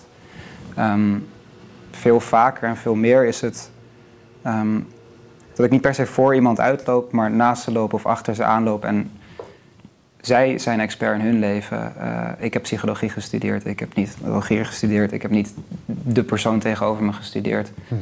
Dus ik zie het ook echt als een samenwerking, een behandeling. Um, waarbij ik mijn kennis heb van gespreksvoering, behandeling, uh, stoornissen, problematiek, uh, psychische, psychische problematiek. En degene die ik zie is expert in zichzelf, in zijn geschiedenis. En om zo'n samenwerking zo goed en zo soepel mogelijk te laten verlopen, denk ik dat je uh, maar beter open naar elkaar kunt zijn. Van oké, wat. Nou, van een patiënt verwachten we natuurlijk dat ze vertellen wat het is dat ze, waar ze mee zitten of wat het is dat ze hebben meegemaakt. Anders wordt het lastig werken. Um, maar ik probeer vaak ook iemand mee te nemen in mijn denkproces. Dus ik gaandeweg formuleer je een soort. Uh, hypothese over nou, hoe zou het nou kunnen hoe, dat deze klachten zijn ontstaan gezien de geschiedenis of gezien de dingen die iemand heeft meegemaakt. En dat toets je ook constant. Dus dat leg ik aan iemand voor. En als iemand dan zegt, nou, ik weet het niet, dan ben ik ook niet te trots om te zeggen, oh nee, maar dit is de psycholoog die het zegt, dus dat, dat moet je dan maar accepteren. Dan gaan we samen kijken wat er beter klopt of waar, het, waar ik dan de verkeerde kant op was geschoten een soort levensverhaal waar je samen aan Ja, precies. Uh, precies. Uh, ja, en, een hervertelling van wat daar gebeurd is. Ja. En ik werp daar dan een soort van mijn visie als deskundige op het gebied van psychologie op. Hmm. Um, maar ik, het is onmogelijk om een soort van een universele klacht te formuleren aan de hand van een levensverhaal. Je hebt, je hebt elkaar daarin nodig. Uh, en daarom is het essentieel, denk ik, om Zowel als patiënt, maar ook zeker als psycholoog open te zijn. Binnen beperkte grenzen natuurlijk. Het is niet dat ik mijn hele levensverhaal vervolgens ook op tafel stort en dat de rollen omdraaien. Mhm. Ehm, maar volgens mij in behandeling, ik weet niet of jij dat ook herkent vanuit jouw werk, maar ben je samen bezig om iemand beter te maken of iemand te helpen met datgene waar diegene mee geholpen wilt worden. Mhm. Ehm, ik kan het niet voor ze doen. En soms komen er wel echt mensen binnen met de verwachting: jij bent de expert, dit is mijn verhaal, vertel me maar uh, wat ik moet doen. Ja. ja. Ook dan zijn we snel klaar, want dat kan ik niet. Alsof je mechanieker zou zijn. Ja, ja, ja en ongetwijfeld zijn er mensen die dat sneller zouden doen, of psychologen die dat sneller zouden doen. En nou ja, het internet en de boekenkasten zijn doorspekt met tips en zelfhulp en dingen die ook echt zouden kunnen helpen. Maar er is geen hmm geen holy grail op dat gebied. Anders hadden we die echt wel gevonden. En had ik geen werk gehad. Nou, er is, er, is, er, is, er is dus kennelijk een verschil tussen het geven van tips en aanbevelingen en het doen van aanbevelingen. En, het, um, en, en samen in, in, de, ja, in de alchemie of de magie van zo'n gesprek ja. uh, iemand een bedding geven waarbinnen, waarbinnen dat verhaal opnieuw verteld kan worden. Ja. Waar, waar, um, waar dingen begrepen kunnen worden, aan het licht gebracht kunnen worden die, niet, die eerder niet aan het licht kwamen.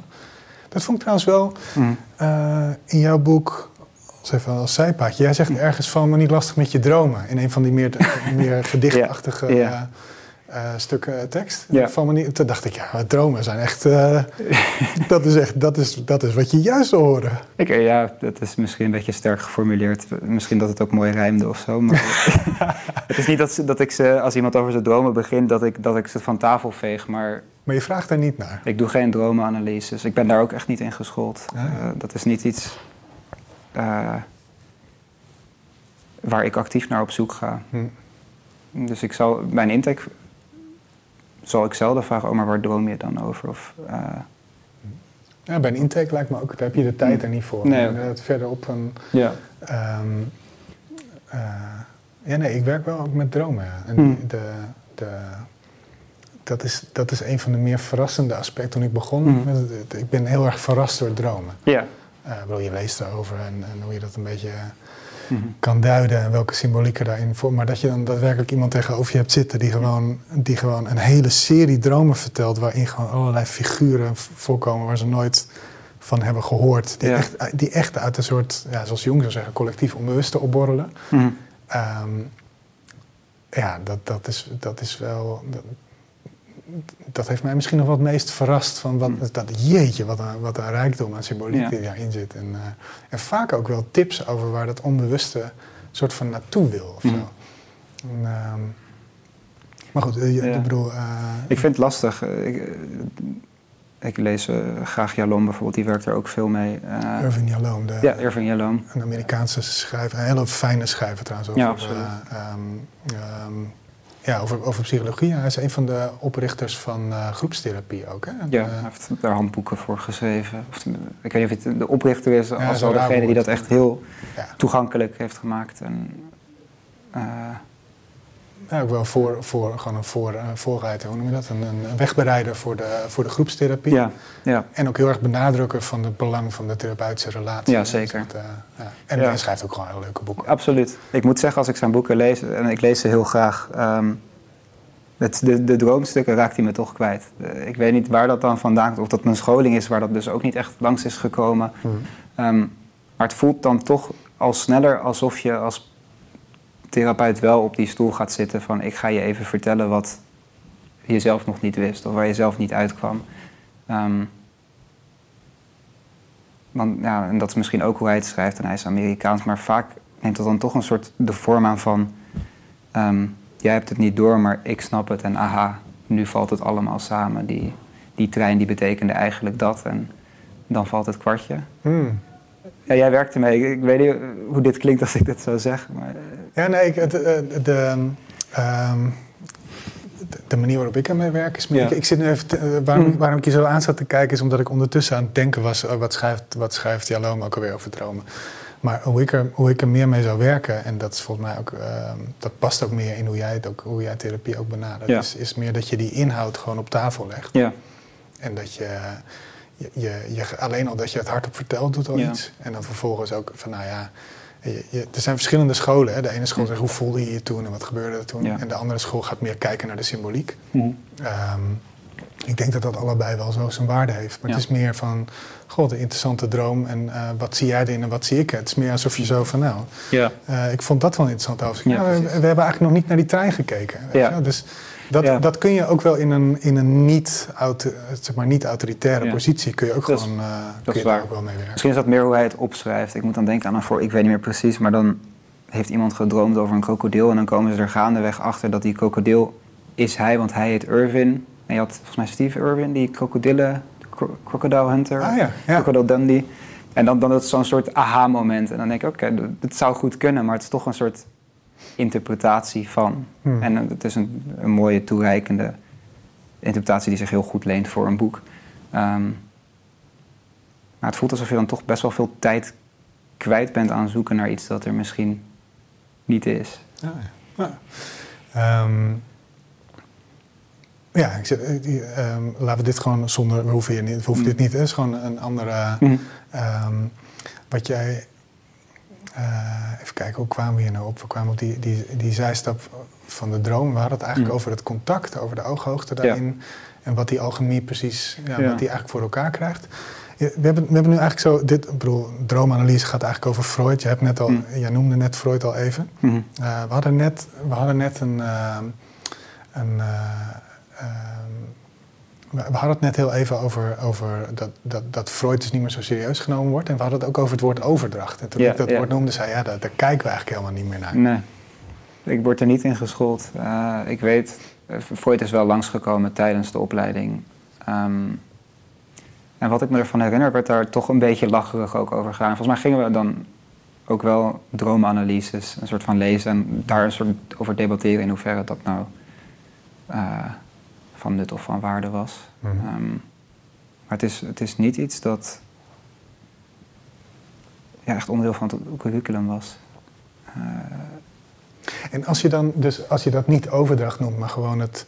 Als je inderdaad, zoals jij doet, eigenlijk die relatie dus heel centraal Ja. stelt. ja, Ehm, Want ik vond dat eigenlijk ik vond dat heel fijn om te lezen. Want er, Mm. er, er ontstaat soms wel zo'n idee van de, van de GGZ dat het om protocollen draait of dat het om groepstherapieën draait. En dat ik bij jou, hè, de, de, de gewone basispsycholoog, hè, Mm. eh, laat me dat even heel duidelijk gezegd hebben, dat jij jouw werk juist heel erg beschrijft in termen van die coöperatie, in Ja. termen van het open gesprek, in termen van ruimte maken voor elkaar. Ja. Uh, en natuurlijk zitten er dan met, met een verslaglegging en een bepaalde. Het, het, het, het Mhm. komt op mij soms iets wat gehaast over op een bepaalde manier. Van als het niet meer werkt, dan. dan het, eh, Thomas More bijvoorbeeld, die zegt: ah ja, maar soms heb je gewoon even een paar maanden patience nodig. Ja. Je moet gewoon geduld hebben. Misschien. ehm, ik heb dat ook wel eens letterlijk denk gezegd. Volgens mij zitten we ergens op te wachten, maar we weten nog niet waarop. Mm. Maar het is wel fijn zo om even te wachten. Zo, Ja. Ja. die, eh, maar dat, dat, bedoel, hier en daar kruipt dat er soms een beetje in. Mhm. Uh, maar ik, vind, ik vond het juist heel fijn om te lezen dat jij die, dat jij die relatie heel erg benadrukt. Mhm. Tegelijkertijd, als je niet heel erg naar die overdracht gaat kijken, dan is het wel. ehm, ja, jij beschrijft, eigenlijk, jij beschrijft eigenlijk wel dat je dan bijvoorbeeld je, je, afvraagt van... Goh, waarom ben ik nou ongeduldig als deze Ja. patiënt komt? Of waarom, Hm. waarom word ik een beetje verdrietig na dit gesprek? Ja. Of, hè, dan, dan is het toch nog maar een kleine stap naar Ja. dat, dat iemand misschien een keer verliefd op jou wordt. Hè? Of, Mhm. Ik kan me niet voorstellen dat dat je niet gaat overkomen trouwens. Eh, Het is nog niet gebeurd, maar nee, is dat nog nooit... eh, niet dat ik weet. Eh, nee, of dat iemand tegen een teringhekel aan je krijgt. dat, dat wel. dat, dat is blijkbaar makkelijker. Eh, ja. Nee, misschien is dat ook wel overdracht, maar noemen we het tegenwoordig gewoon niet meer zo. Het is wel inderdaad iets waar ik me heel erg bewust van probeer te blijven. Van Ja, oké, wat gebeurt er in het contact? Ja. Ehm, Dat beschrijf je ook. wat gebeurt er bij degene tegenover me tijdens een sessie, maar ook wat doet dat in mij op? En wat daarvan komt daarvan wat van da- daarvan zit misschien ook in mij. Ja. Ehm, ja, daar, ik weet niet, dat kun je dan overdracht of tegenoverdracht noemen. Ehm, maar in essentie is dat wel iets waar ik me heel erg bewust van probeer te blijven. En een van de, de- misschien om het, om het wat handen en voeten te geven, Mhm. eh, zodat jij niet op het algemeen op dat verschil misschien hoeft te reageren, maar ehm, nou, een van de dingen die ik bijvoorbeeld, de- wat, wat ik vaak tegenkom is dat, ik, ik zit een beetje, dat, hè, dat, dat weet je ook, hè, daar hebben we het over gehad, een beetje in die, ja, toch meer die, die spirituele hoek. Ik ben met astrologie bezig, ik, ik hou van droomanalyses, ik, ik eh, eh, het zit een beetje in die hoek van eh, Carl Gustav Jung. Hè. Ja. Ehm, soms zeggen mensen, ja, de, de, de dingen die ik ervaar of waar het mij om gaat, en dan gaat Ja. het soms ook gewoon over spirituele hè, beleven, belevenissen of, of, of een bepaalde manier van kijken naar de wereld, Mhm. Ja, die komt niet echt.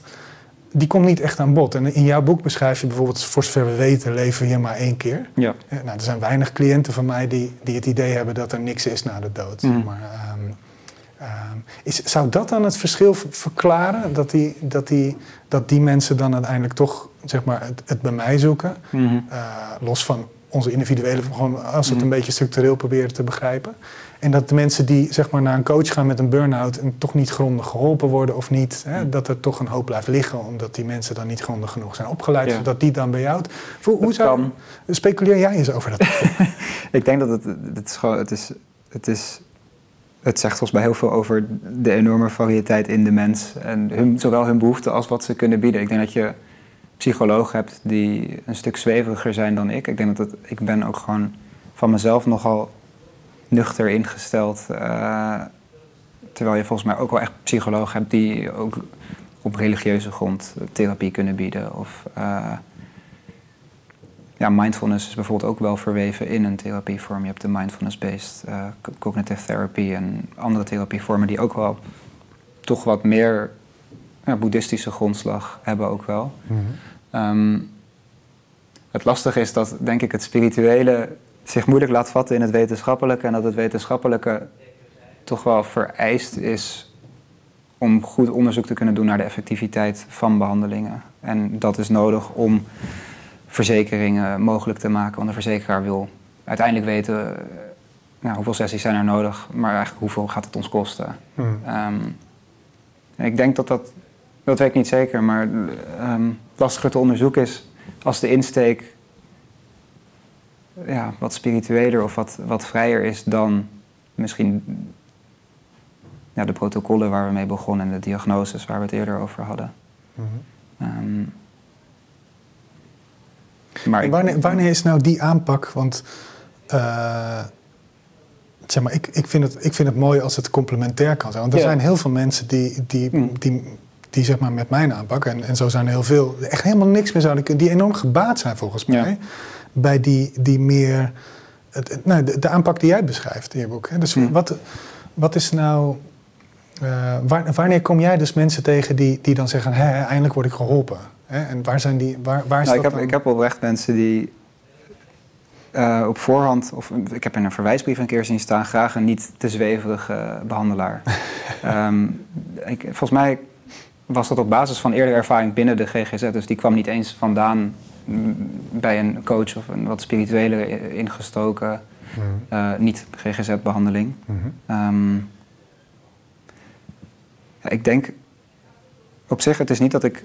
Ik werk niet per se spiritueel, maar als iemand die behoefte wel heeft, dan beweeg ik daar graag in mee. Op dezelfde manier als iemand met dromen komt, dan ga ik daar graag in mee. Misschien ook vanuit dat soort van de acceptatie en de samenwerking. Dus het is, ja, ik, zoals ik in mijn boek schrijf, ik geloof niet, of ik, ik weet in ieder geval niet dat er meer is dan het leven dat we nu hebben. Maar als ik eh, samenwerk met iemand die religieus is of die daar andere ideeën over heeft, ook dan zie ik ons verschil van insteek als een mooie kans om een soort van te verkennen hoe komt het dan dat diegene dat wel denkt en nou, wat heeft diegene nog meer nodig? Want blijkbaar schiet het, is het niet voldoende, want anders zouden we niet tegenover elkaar zitten. Ehm, maar ik, ja, ik ben niet astrologisch geschoold, dus als ze die behoefte zouden hebben, dan nou, heb ik nu een plek waar ik ze, waar ik ze heen zal sturen. Ja, maar dat is een heel specifiek iets. Maar ja, Ja, ik denk, Ja. Nou, op zich, wat, wat, misschien raakt dit ook wel aan een thema dat wij ook, ook even besproken hebben, Mm. al zeg maar eh, ehm, buiten, buiten de camera, zeg maar. De, Ja. ehm, ergens dat die, we hadden het daarover van wat weten mensen over je. En bij mij Mm. weten mensen inmiddels, ik, ik zit ook bij een soort eh, actualiteiten, onze, onze, Mm. onze zondags eh, actualiteitenshow, zeg maar. Mhm. En jij hebt nu dat boek geschreven en je zei ook van ja, ik, ik wil daar graag over praten, maar niet Ja. te veel misschien over politiek of dat soort, Ja. dat soort voorkeuren. En toen, kwamen we de, toen ging ons gesprek ook toe naar van ja, is, is niet juist ook die, de overbrugging van dat soort verschillen. En misschien heeft dat met spiritualiteit heeft dat, Mhm. is, heeft dat hetzelfde effect. Van, ja, Ja. als jij inderdaad gelooft dat het zwart is, eh, als het, of dat je sceptisch bent en niet weet, of agnostisch bent, ja. en ik niet, dan kan nog steeds die therapeutische relatie wel heel krachtig zijn en, en ons verder brengen. klopt. Ehm, Ik weet alleen niet of het daarvoor nodig is dat zij mijn verhaal kennen. Mhm. Ehm, en dat is denk ik waar. Nee, zeker niet. Maar Nee. de vraag is of het schadelijk is als ze jouw verhaal kennen. Ik denk niet dat het schadelijk is. Ik, ik ben alleen bang dat het is meer een soort zorg dat het. ehm, nou, ik, ik noem de behandelrelatie eh, de motor in het boek. Dat het een soort van zand in de motor is, omdat je dan in de eerste instantie tijd die over de patiënt zou kunnen, of aan de patiënt zou kunnen worden besteed, besteedt aan een soort van het rechtzetten van de aannames die iemand misschien wel over mij heeft. Ja. En dat kan informatief zijn ook voor de behandeling natuurlijk. Ehm, maar ik zou het zonde vinden als mensen eh, ja, een behandeling zouden weigeren omdat ze een bepaalde aanname hebben op basis van iets dat ze van me gezien of gelezen hebben. eh, of dat nou klopt of niet. Hm. Ja. ja, wel wat je zegt, hè, dat kan ook weer stof tot, eh, tot, tot, denken, tot denken geven. Maar, Ja. Ik vraag, het, het is, ik noemde net het principe openheid, maar volgens mij zei ik toen ook, het, het kent grenzen. Er is, het is mijn taak om een soort van de, de beleveniswereld van de ander op een bepaalde manier binnen te treden. Of in ieder geval mijn best te doen hem te begrijpen. hm. En op het moment dat die rollen omdraaien, ben ik bang dat we werk aan het verrichten zijn waar de patiënt misschien wel minder bij gebaat zou zijn. Als we überhaupt al tot dat werk komen. Maar ik denk, ik denk dat niemand dat, eh, dat ieder geval niet wat ik bedoelde. Mm. Hè, dat die, ehm, er is, er is, dat, is, dat is altijd ook een interessante eh, balans, zeg maar. Er is, Mm. er is om, het, om, een, om een relatie op ooghoogte die oprecht is, is het soms...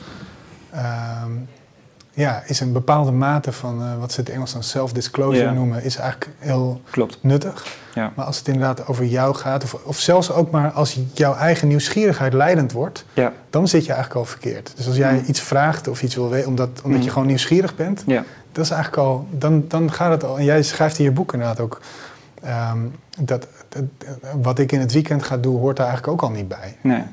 Dan, als iemand vraagt, goh, wat ga jij vanavond doen? En, en Mhm. dan kan het soms is het ook beter om gewoon even te.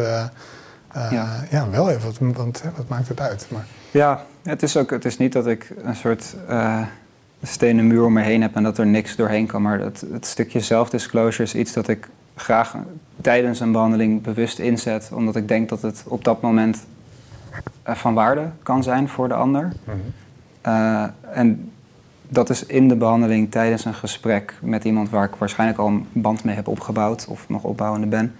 Ehm, maar waarom ik er misschien wat terughoudender in ben hier nu aan deze tafel, omdat het bekeken zou kunnen worden door mensen die ik nog niet eens heb gezien of mensen die ik al zie. Ehm, en dan een beetje buiten eh, de, de, Buiten de relatie. ja, en buiten de behandelkamer, waar je zoiets ook kan bespreken inderdaad of kan oplossen. Ehm, Hmm. en ook buiten de relatie, nog voor de relatie misschien. Ehm, dus ik denk dat het daar. Ik ben, geen, ik ben niet neutraal. Ik, ben, ik heb meningen, maar dat is op persoonlijk. Ik kan goede discussies voeren, maar dat doe ik met mijn vrienden. Ik zie de meerwaarde niet, eh, niet altijd in ieder geval, van dat ook echt in de behandeling brengen als het niet nuttig of nodig is. Ehm, we, we moeten langzaam naar een afronding toe. Ik wilde eigenlijk nog met je praten over het hoofdstuk over mannelijkheid Ja. ook en, en, en vrouwelijkheid. Ehm, maar ik heb een oplossing bedacht Ja. voor het feit dat we geen tijd meer hebben. Want ik wil, en ik wil eigenlijk ook nog even met je praten over... Oké, hoe, hoe staat het ervoor met de geestelijke gezondheid? Zo heb jij daar observaties over? Ja. Maar misschien is de... We hebben, we hebben denk ik in dit gesprek, als ik het vast een beetje samenvat... we hebben de reis van de patiënt geprobeerd te volgen door het... Door het eh, door het vocabulaire dat gebruikt wordt, door de verschillende soorten behandelingen die je hebt. Vervolgens zijn we een beetje naar, die, naar de inhoud van die behandelingen gaan kijken. Naar de protocollen, maar vooral de relatie. Mhm. Ehm, de wetenschappelijke benadering die ook toetsbaar is en, en waar ook een, een heel grondig, eh, grondige procedures binnen zo'n praktijk eh, in, in zitten. Maar goed, dat kunnen mensen allemaal lezen. Maar dat, dat hebben we een beetje aangestipt allemaal. Ehm,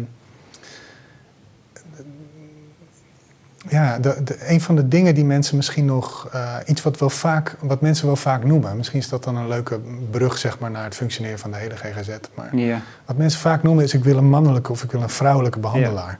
En jij schrijft best wel over dat, je, dat jouw beeld van mannen niet bepaald rooskleuriger geworden is eh, door de dingen die je hoort in je, in je, eh, in je, in je, in je, in je, in je behandelingen, Mhm. in je gesprekken.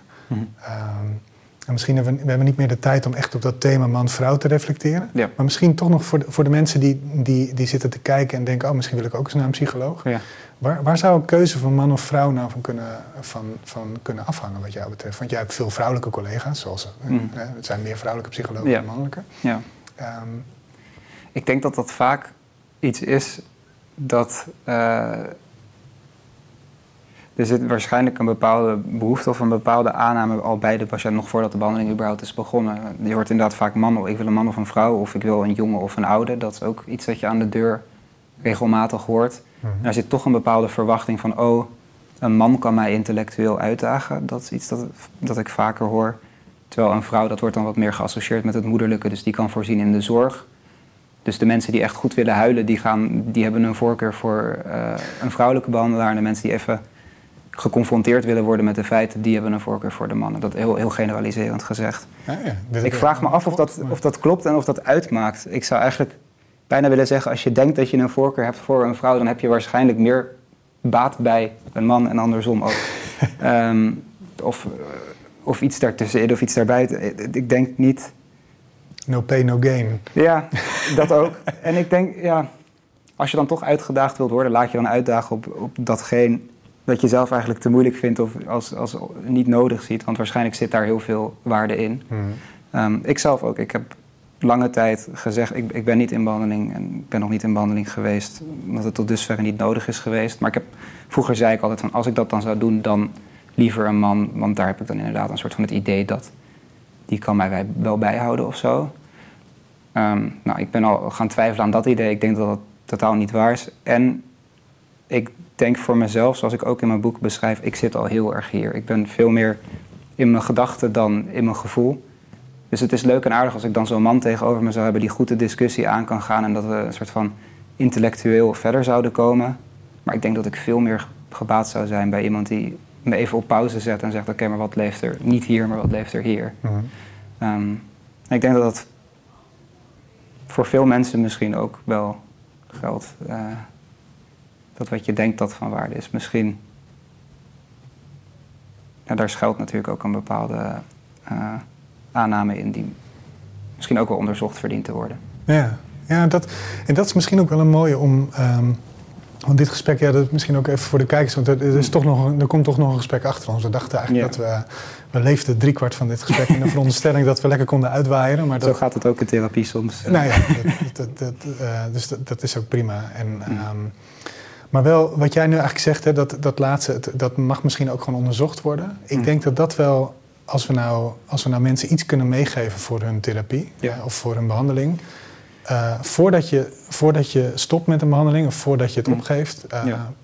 praat over waarom je dat wilt. Veel psychologen, hè, ehm, ik denk bijna alle psychologen, zelfs als je er geen klik mee hebt, zullen met, met die gevoelens, eh, die, die brengen je een laag dieper. Want ik wil hiermee stoppen. Oké, waarom wil je stoppen? Ja, ik vertrouw jou niet. Of ik kom met jou niet verder. Ja. Praat erover en betrek dat in de therapie. En als Ja. een goede therapeut, die, die zal daar zijn weg in vinden en kunnen onderscheiden of dit nou weerstand is of dat het, Hm. eh, of dat het echt verstandig is om naar een andere behandelaar te gaan. En dat kan ook. Hè. Dat, dat, eh, jij beschrijft dat gelukkig ook heel uitgebreid in je boek. Je kunt gewoon wisselen. Ja. Verken vooral ook meerdere mensen. Ja. Dat is ook de reden dat mijn eerste gesprek doe ik gewoon gratis. Zodat ze Mm. bij wijze van spreken kunnen shoppen. Ja. Totdat ze bij iemand uitkomen Ja, waar het goed mee voelt. Ja. Het is misschien een beetje extreem, moet ik misschien ook nog eens wijzigen. Maar, maar de, die, manier van denken. Maar als we dan dus iets mee kunnen geven, ik denk, ja, praat erover. Betrek het erbij. Hè. Ehm, ik, ik neem aan dat jij het daar ook mee eens bent. Ja, volgens mij in het laatste, het laatste hoofdstuk van mijn boek eindigt. Nou, het is mooi ook om het gesprek daarmee te eindigen met volgens mij drie keer toe. Praat erover, praat erover, praat erover. En dat gaat over alles eigenlijk, maar Ja. ook over dit. Ehm, want ik denk dat het ofwel de behandeling beter maakt, of je kunt samen met die behandelaar er naar achter komen wat het is dat je echt nodig hebt. In welke vorm dan ook, binnen de GGZ of daarbuiten. Precies. Ja, en dat is extreem waardevol. Mooi. Nou ja, laten we hier dan ook, eh, laten we hier dan ook mee eindigen. Dus heel Ja. erg bedankt dat je hier was. Bedankt voor een mooi boek. Bedankt dat ik er mocht Eh, zijn. Bedankt voor het lezen. Ik ga hem nog even eh, omhoog. Nou, ik heb het met veel plezier gelezen. En ik, ik denk dat we... ja, dit is een soort tipje, van de, tipje van de sluier dat we gelicht hebben. En mm, nou, misschien voor mensen die overwegen naar een... of als je mensen kent die overwegen om naar een psycholoog te gaan. hopelijk, hopelijk is dit voor mensen een mooie introductie. Volgens mij is dat wel... volgens mij ben jij wel een goede gids geweest. Maar eh, Dat is fijn om te horen. ja, Dat, eh, ik heb het geprobeerd. mooi. En dank voor je, dank voor je komst. Dank voor de uitnodiging. En, eh, en u allen hartelijk dank voor het... eh, ja, daar bent u. Dank voor het kijken. Beste kijker, als je dit filmpje ziet, houd je kennelijk van de lange en verdiepende gesprekken van de nieuwe wereld. Wil je meer van onze video's zien? Klik dan op de afbeelding hier links. Of beter nog, abonneer je op ons kanaal. Je kunt ons natuurlijk ook steunen en daar zijn wij zeer op aangewezen. Klik dan op de afbeelding rechtsboven in beeld of ga naar de beschrijving hieronder voor meer informatie. Ik dank jullie bij voorbaat van harte.